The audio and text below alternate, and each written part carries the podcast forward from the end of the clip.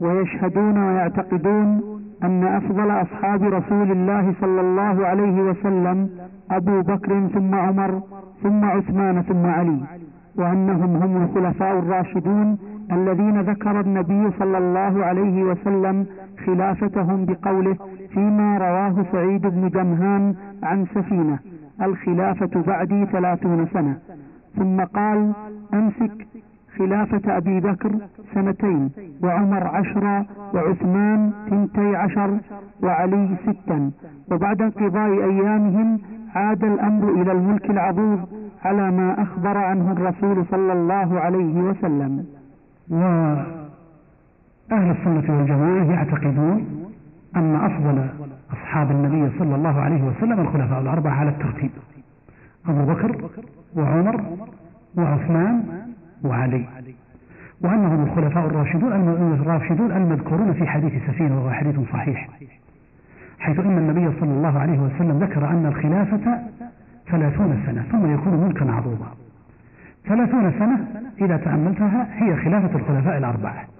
لأن الرسول صلى الله عليه وسلم توفي في سنة إحدى عشرة. أليس كذلك؟ في سنة إحدى عشرة. وعام الجماعة لما تنازل الحسن لمعاوية رضي الله عنهم جميعا.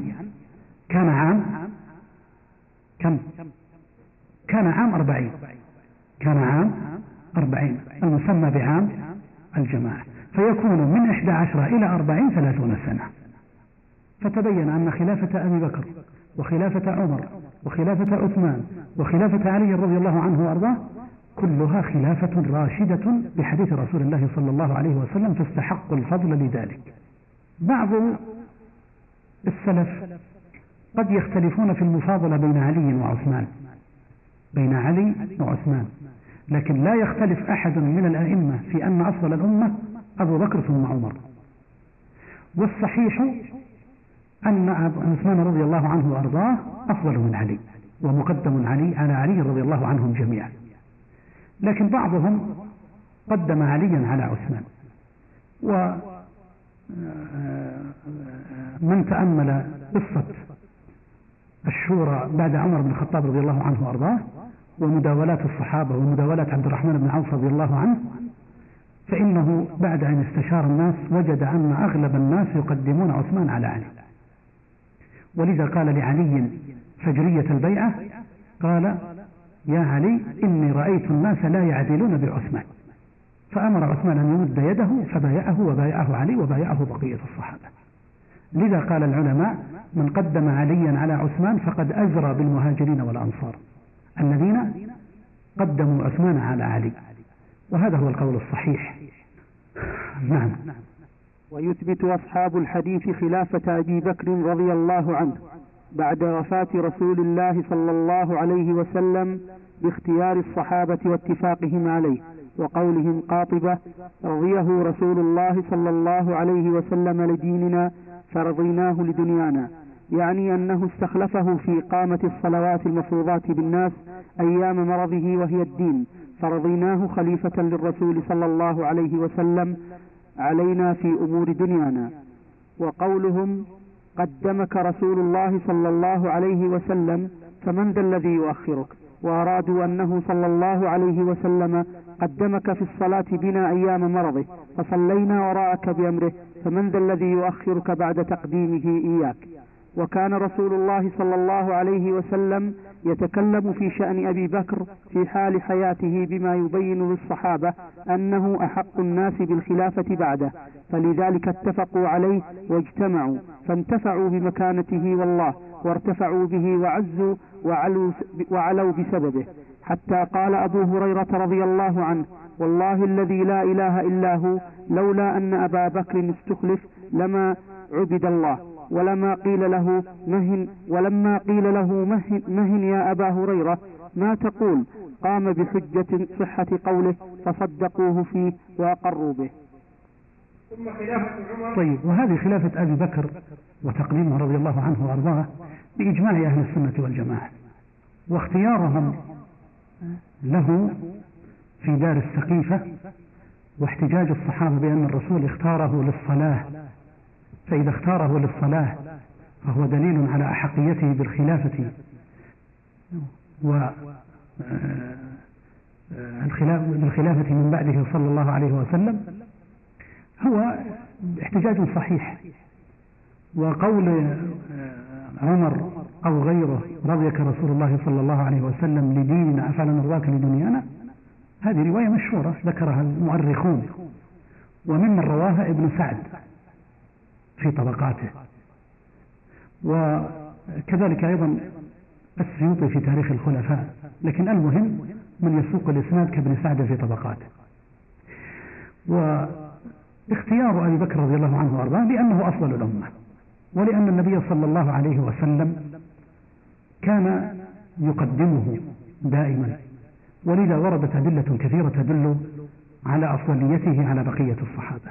بقي أن بعض العلماء يرى أن الرسول نص على خلافة أبي بكر من بعده ويحتجون بمثل هذه الأدلة التي ذكرناها مثل قوله للمرأة لما قالت إن لم أجدك يا رسول الله لما قال تأتيني في العام القادم قالت إن لم أجدك قال تجدين أبا بكر ومثل قوله اقتدوا بالذين من بعد أبي بكر وعمر وقصة القليب لما جلس الرسول صلى الله عليه وسلم عليه وأدنى رجليه منه.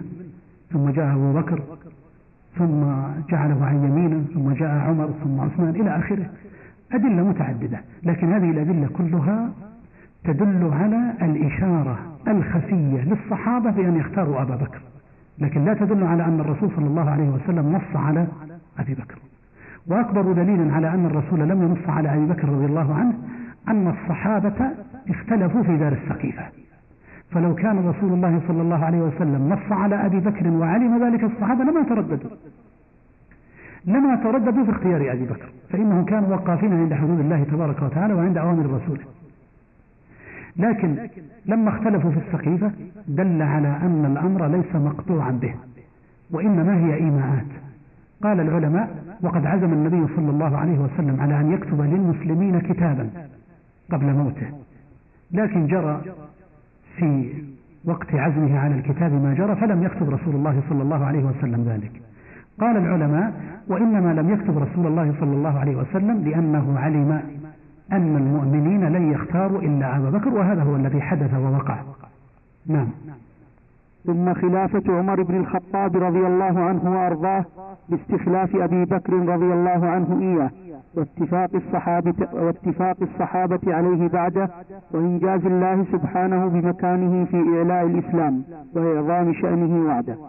ثم خلافة عثمان رضي الله عنه بإجماع أهل الشورى وإجماع الأصحاب كافة ورضاهم به حتى جعل الأمر إليه. ثم خلافة علي رضي الله عنه ببيعة الصحابة إياه حين عرفه حين عرفه ورآه كل منهم رضي الله عنه أحق الخلق وأولاهم في ذلك الوقت بالخلافة ولم يستجيزوا عصيانه وخلافة. طبعا بالنسبة للعبارة السابقة تقفون عندها وهي قصة أبي هريرة أنه كان يقول والله الذي لا إله إلا هو لولا أن أبا بكر استخلف لما عبد الله. طبعا بسبب ما حدث من الرد فإن الله نصر به هذا الدين في موقفه العظيم ذاك. ولما قيل له يا أبا هريرة يا أبا هريرة ما تقول؟ يعني كيف تقول لما عبد الله؟ قال لهم أبو هريرة رضي الله عنه وأرضاه بعبارة لم تتضح في المخطوطة ولعل الله ييسر نسخة تكون نظيفة لتصحيح مثل هذه العبارات التي قد نمر بها ولا نصححها. في بعضها أنه قال إن الله أقام به الحجة. وأوضح به المحجة أي أنه قام بحجة واضحة وافقه عليها بقية أصحاب النبي صلى الله عليه وسلم لما اختلفوا في قتال المرتدين. هل يقاتلونهم جميعا أو يفرقون بين أتباع المتنبئين وبين مانع الزكاة؟ فأصر أبو بكر على قتالهم جميعا وشرح الله صدور الصحابة ولم يمض شهور إلا وقد عادت جزيرة العرب إلى دين الله بل وانتقلت الفتوحات إلى الشام والعراق. مع أن خلافته رضي الله عنه وأرضاه كانت سنتين وشهور قليلة. فهو ممن أقام الله به. عمود الإسلام بعد أن كاد ينقض بعد وفاة رسول الله صلى الله عليه وسلم. وكذا أيضا أهل السنة والجماعة يقولون بإثبات الخلفاء الثلاثة من بعده. عمر رضي الله عنه وأرضاه وهو أفضلهم وخلافته باستخلاف من أبي بكر وبإجماع المسلمين وكذا عثمان باختيار أهل الشورى له وكذا علي رضي الله عنه وأرضاه بعد ذلك باختيار أهل الحل والعقد له. فهؤلاء الخلفاء الأربعة نؤمن ونقر بخلافتهم ونصدق بها خلافا لكل صاحب بدعة. ابتدع في ذلك ولم يعترف بخلافة بعض هؤلاء كالروافض الذين لا يعترفون لا يعترفون بخلافة أبي بكر وعمر ولا عثمان وكالنواصب من الخوارج وغيرهم الذين كفروا علي رضي الله عنه وأرضاه ولا يعترفون بخلافته بل ولا يعترفون بأواخر خلافة عثمان. فهؤلاء ضلال وأولئك ضلال وأهل السنة والجماعة سائرون على منهج منهج واضح مستقيم لأن الأدلة دلت عليه ولأن إجماع الأمة الإسلامية قد أجمعت عليه والحمد لله رب العالمين. نعم. فكان هؤلاء الأربعة فكان هؤلاء الأربعة الخلفاء الراشدين الذين نصر بهم الدين وقهر وقسر بمكان بمكانهم بمكانهم الملحدين وقوي بمكانهم الإسلام ورفع في أيامهم. ورفع يعني وقوى شددوها وقوى بمكانهم الإسلام. إذا قهر وقسر بمكانهم الملحدين. وقوى بمكانهم الإسلام. نعم. ورفع في أيامهم للحق الأعلام ونور بضيائهم ونورهم وبهائهم الظلام وحقق بخلافتهم وعده السابق في قوله عز وجل وعد الله الذين آمنوا منكم وعملوا الصالحات ليستخلفنهم في الأرض كما استخلف الذين من قبلهم وليمكنن لهم دينهم الذي ارتضى لهم وليبدلنهم من بعد خوفهم أمنا. وفي قوله والذين معه أشداء على الكفار رحماء بينهم إلى قوله كزرع أخرج شطأه فآزره فاستغلظ فاستوى على سوقه يعجب الزراع ليغيظ بهم الكفار. فمن أحبهم وتولاهم ودعا لهم ورعى حقهم وعرف فضلهم فاز في الفائزين. ومن أبغضهم وسبهم ونسبهم إلى ما إلى ما إلى ما تنسبهم إليه الروافض والخوارج لعنهم الله فقد هلك في الهالكين. قال رسول الله صلى الله عليه وسلم لا تسبوا أصحابي فمن سبهم فعليه لعنة الله. وقال نعم من أحبهم فبحبي أحبهم ومن أبغضهم فببغضي أبغضهم ومن آذاهم فقد آذاني ومن سبهم فعليه لعنة الله. إيه هذه الروايات فيها كلام لكن النهي عن سب أصحاب النبي صلى الله عليه وسلم ثابت. لا تسبوا أصحابي فوالذي نفسي بيده لو أنفق أحدكم ملء أحد ذهبا ما بلغ مد أحدهم ولا نصيفه. وأهل السنة والجماعة يعرفون مكانة هؤلاء الأئمة الأربعة الخلفاء الأربعة وغيرهم من بقية الصحابة ويتولونهم ويترضون عنهم ويحبونهم ويدخل في ذلك جميع الصحابة. وفيهم آل بيته وأزواجه أمهات المؤمنين رضي الله عنهم جميعا. فأهل السنة والجماعة يحبون جميع أصحاب رسول الله صلى الله عليه وسلم ويترضون عنهم. وعلى رأسهم هؤلاء الخلفاء الأربعة.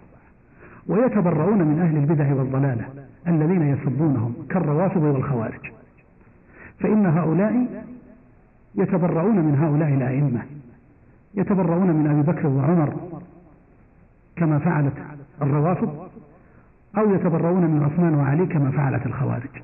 وأهل السنة والجماعة يترضون عنهم جميعا لأن الله أنار بهم الهدى وشهد لهم تبارك وتعالى ولغيرهم من الصحابة بأنهم أشداء على الكفار رحماء بينهم تراهم ركعا سجدا. وهذه صفاتهم رضي الله عنهم وأرضاهم. ولا يطعن في أصحاب رسول الله صلى الله عليه وسلم إلا من كان في قلبه زيغ ونفاق. نسأل الله السلامة والعافية. نعم. ويرى أصحاب الحديث الجمعة والعيدين وغيرهما من الصلوات خلف كل إمام مسلم بر, بر كان أو فاجر. برا كان أو فاجر. برا نعم. كان أو فاجر. فاجرا نعم. أو فاجرا. ويرون جهاد الكفرة معهم وإن كانوا جورة فجرة. نعم. جورة فجرة. جورة جورة يعني من أهل الجور. جورة. جورة جورة. جورة نعم. فجرة. ويرون الدعاء لهم بالإصلاح والتوفيق والصلاح وبسط العدل في الرعية. ولا يرون الخروج عليهم بالسيف وإن رأوا منهم العدول عن العدل إلى الجور والحيف ويرون قتال الفئة طيب الباقية. قبل القتال الفئة الباقية هذا منهاج أهل السنة والجماعة حول البيعة والإمام فأهل السنة والجماعة يرون أولا الصلاة خلف كل إمام إمام مسلم ولو كان فاجرا. وخاصة في الجمعة والعيدين. لأن بعض الناس قد لا يصلي العيدين كما كان قديما مع الخلفاء إذا قد إذا كان قد اشتهر عنهم جور أو فسق أو نحو ذلك. أهل السنة والجماعة يرون أنه يصلى خلف الإمام ولو كان جائرا ولو كان فاسقا لأن الإمام إذا صحت صلاته فصلاة من خلفه صحيحة. كذلك أيضا يرى أهل الحديث أنه يجاهد الكفار مع هؤلاء الأئمة ولو كانوا جائرين فسقا. فإذا كان الإمام جائرا فاسقا لكنه يقيم شرع الله ويقيم الجهاد في سبيل الله فإن المسلمين يجاهدون معهم وهذا ظاهر جدا لأنه لو ترك المجاهد لو تركت المجاهدة معهم لحصل فساد. ولذا قال علي رضي الله عنه وأرضاه لا بد للأمة من خلافة برة أو فاجرة. قالوا له يا أمير المؤمنين قد عرفنا البرة فما الفاجرة قال نعم الفاجرة تحفظ البيضة وتقيم الجهاد تحفظ بلاد المسلمين وتقيم الجهاد في سبيل الله.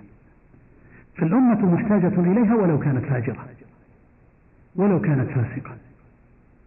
ولذا فإنهم يدعون لهؤلاء أئمة الجور يدعون لهم بالصلاح والتقوى ولا يرون الخروج عليهم بالسيف وهذا منهج أهل السنة والجماعة أنهم يرون أنه لا يجوز الخروج على الأئمة بالسيف ولو ظلموا وجاروا. لورود الأحاديث الصحيحة عن النبي صلى الله عليه وسلم تأمر بعدم المقاتلة ولو ظلموا ولو جاروا ولو ضربك وأخذ ولو ضرب ظهرك وأخذ مالك. فلا تخرج عليه بالسيف. هذا هو منهاج أهل السنة والجماعة. وهو منهاج واضح مستقيم. لأنه لو فتح الباب لو فتح الباب وقيل كل إمام جائر يجوز الخروج عليه بالسيف لوقعت فتنة. أي واحد منا يظلم في قضية؟ قد يقول خلاص أنا أصبت بالجور فيحمل السيف بل لو وقع الجور حقا فإن صلاح الأمة يكون بعدم الخروج عليهم بالقتال. لأنه إذا وقع الخروج وقعت الفتنة. وقعت الفتنة. وهذه الفتنة التي يراد التي تقع إنما قصد بها علاج لمشكلة قد تكون أخف منها. قد يكون هناك جور عند السلطان أو عند بعض أعوانه. فإذا خرج الخارجون عليه بالسيف صار فتنة شملت الأمة كلها. وصار جور عام. وفتنة مضلة ومقاتلة. لأن هؤلاء السلاطين لا يرضون بأن يتخلوا. لا يرضون بأن يتخلوا عن الحكم بسهولة. ولهم أعوان فتقع الفتنة ويقع القتال. وهذا الذي جرى في التاريخ الإسلامي إذا هذا هو مذهب أهل السنة والجماعة الذي بينه رسول الله صلى الله عليه وسلم بيانا قويا حينما قال اسمع وأطع وإن ضرب ظهرك وأخذ مالك. وقال ستجدون بعدي أثرة وأمورا تنكرونها. نعم أثرة مثل ما هو واضح. في زمن الخلفاء فيما بعد. وإلى الآن أثره أثر في الأموال واحتفاظ بها. سجد قالوا فما تأمرنا يا رسول الله ندركنا ذلك؟ قال سلوا الله الذي لكم. سلوا الله الذي لكم. بمعنى أنكم لا تخرجون. قالوا أفلا نوابدهم قال لا. ما أقاموا فيكم الصلاة. وفي رواية أخرى قال لا إلا أن تروا كفرا بواحا عندكم من الله فيه برهان. إذا عقيدة أهل السنة والجماعة أنه لا يجوز الخروج عليهم إلا إذا وجد الكفر البواح أو لم يقيموا الصلاة. فإذا وجد الكفر البواح أو لم يقيم الصلاة حينئذ وجب على الأمة أن تجاهدهم إذا استطاعت. نعم. ويرون قتال الفئة الباغية حتى ترجع إلى طاعة الإمام العدل. نعم وهذا إذا بغت فئة على الإمام العدل وخرجت عليه بتأويل معين أو لغير تأويل أو نحو ذلك ما دام إماما عدلا فإن أهل السنة والجماعة وأهل الحديث يرون مقاتلة هذه الفئة الباغية وقتالهم ليس كقتال المرتدين وإنما هم يقاتلون حتى يرتدعوا. ولذلك لا يجهز على جريحهم ولا تسبى ذراريهم ولا أموالهم. نعم. ويرون الكف عما شجر بين أصحاب رسول الله صلى الله عليه وسلم وتطهير الألسنة من ذكر وتطهير الألسنة عن ذكر ما يتضمن عيبا لهم ونقصا فيهم ويرون الترحم على جميعهم والموالاة لكافتهم. وكذلك يرون تعظيم قدر أزواجه رضي الله عنهن والدعاء لهن ومعرفة فضلهن والإقرار, والإقرار بأنهن أمهات المؤمنين. نعم. وهذا أيضا مذهب أهل السنة والجماعة في هذا. فإن ما جرى بين الصحابة رضي الله عنهم وأرضاهم من قتال وفتنة في أواخر زمن عثمان ثم في زمن علي رضي الله عنهم جميعا منهج أهل السنة والجماعة الإمساك عما شجر بينهم. وعدم الخوض في ذلك والإيمان بأن هؤلاء الصحابة فضلاء لهم حسنات وأنهم فيما جرى بينهم مجتهدون. أنهم مجتهدون. وكل منهم إما أنه له أجران لمن أصاب منهم أو له أجر واحد. أما الطعن عليهم والكلام فيهم فلا يجوز. ومن هنا قال العلماء رحمهم الله تعالى إذا تطرقوا لهذه المسألة تلك دماء طهر الله منها أيدينا فينبغي أن نطهر منها ألسنتنا فلا نذكرهم إلا بخير ونترضى عنهم جميعا. ولا يجوز لنا أن نخوض كما خاض المؤرخون بذكر الروايات التاريخية وتفاصيلها وما جرى بينهم من كلام وغالبها روايات مكذوبة. لا المؤمن هو الذي يترضى عن هؤلاء جميعا ولا يسبهم. وكذلك أيضا يترضى عن أزواج رسول الله صلى الله عليه وسلم ولا يتكلم فيهن. وهذا فيه إشارة إلى الروافض الذين يسبون بعض أزواج النبي صلى الله عليه وسلم كسبهم لعائشة لأنها خرجت مع أهل الجمل رضي الله عنها وأرضاها. فهؤلاء كلهم أعني الروافض.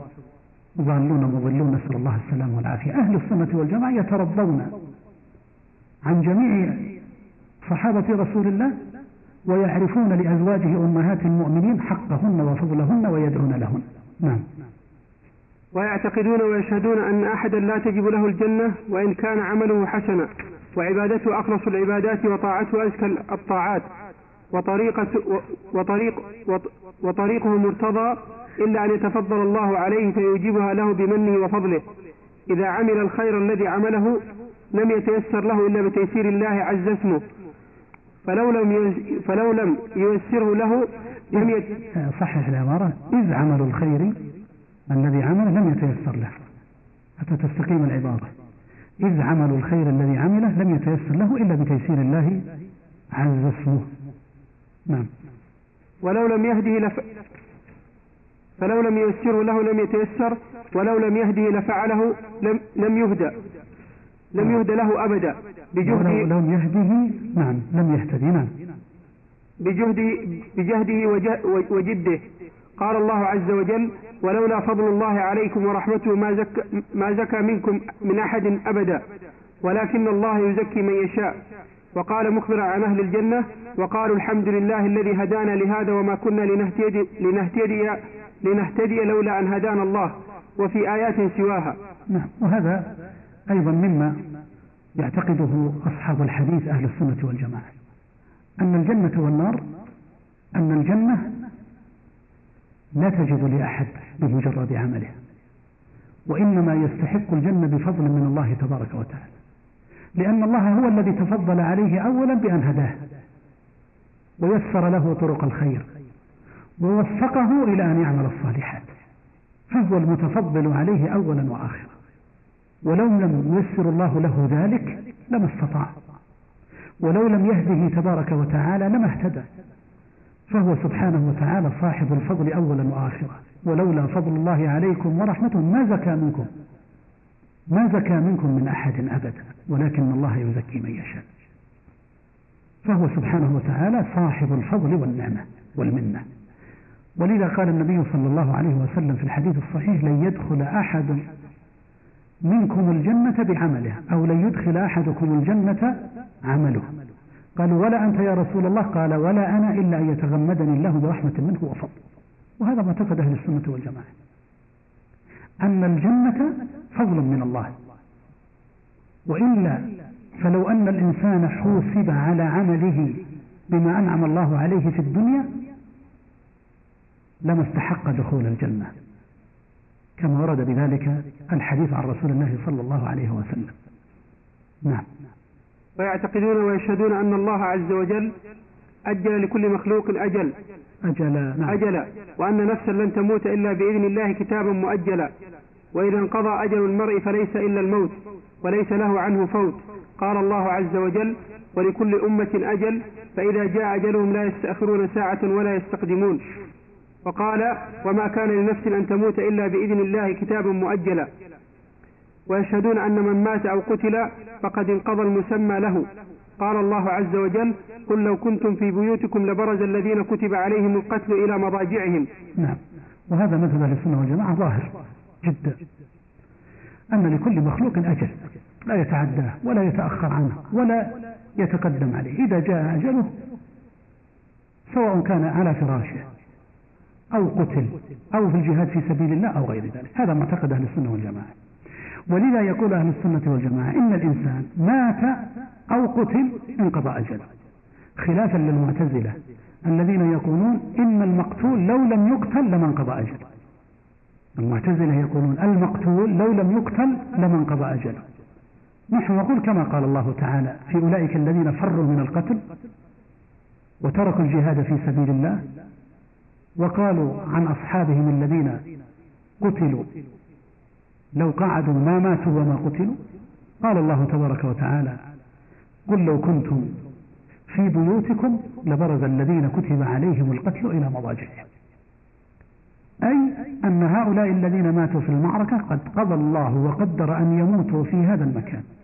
فلو أن هؤلاء بقوا في بيوتهم لبرزوا إلى أن يأتوا لهذا المكان ليموتوا ويقتلوا فيه وما كان لنفس أن تموت إلا بإذن الله كتابا مؤجلا. وهذا أمر بدهي مقطوع به والحمد لله. نعم. وقال أينما تكونوا يدرككم الموت ولو كنتم في بروج مشيدة. نعم. كسابقه نعم. ويتيقنون أن الله سبحانه خلق الشياطين ويتيق أو يعتقدون ظاهر مساق العبارات ويعتقدون. يعني يعتقد أهل السنة والحديث نعم. ويعتقدون أن الله سبحانه خلق الشياطين يوسوسون للآدميين ويقصدون استزلالهم فيترصدون لهم. قال الله عز وجل استزله يعني أوقعه في المزلة نعم. وإن الشياطين ليوحون إلى أوليائهم ليجادلوكم وإن أطعتموهم إنكم لمشركون. وأن الله يسلطهم على من يشاء ويعصم من كيدهم ومكرهم من يشاء. قال الله عز وجل واستفزز من استطعت منهم بصوتك واجلب عليهم. وأجلب وأجلب. وأجلب عليهم بخيلك ورجلك وشاركهم في الأموال والأولاد. وعدهم وما يعدهم الشيطان إلا غرورا. يعني الخيل والراجلة تعرفون في لغة العرب الخيل يقول جاء الجيش خيلهم وراجلتهم. الخيل من هم؟ الراكبين والراجلة الذين يمشون على أرجلهم.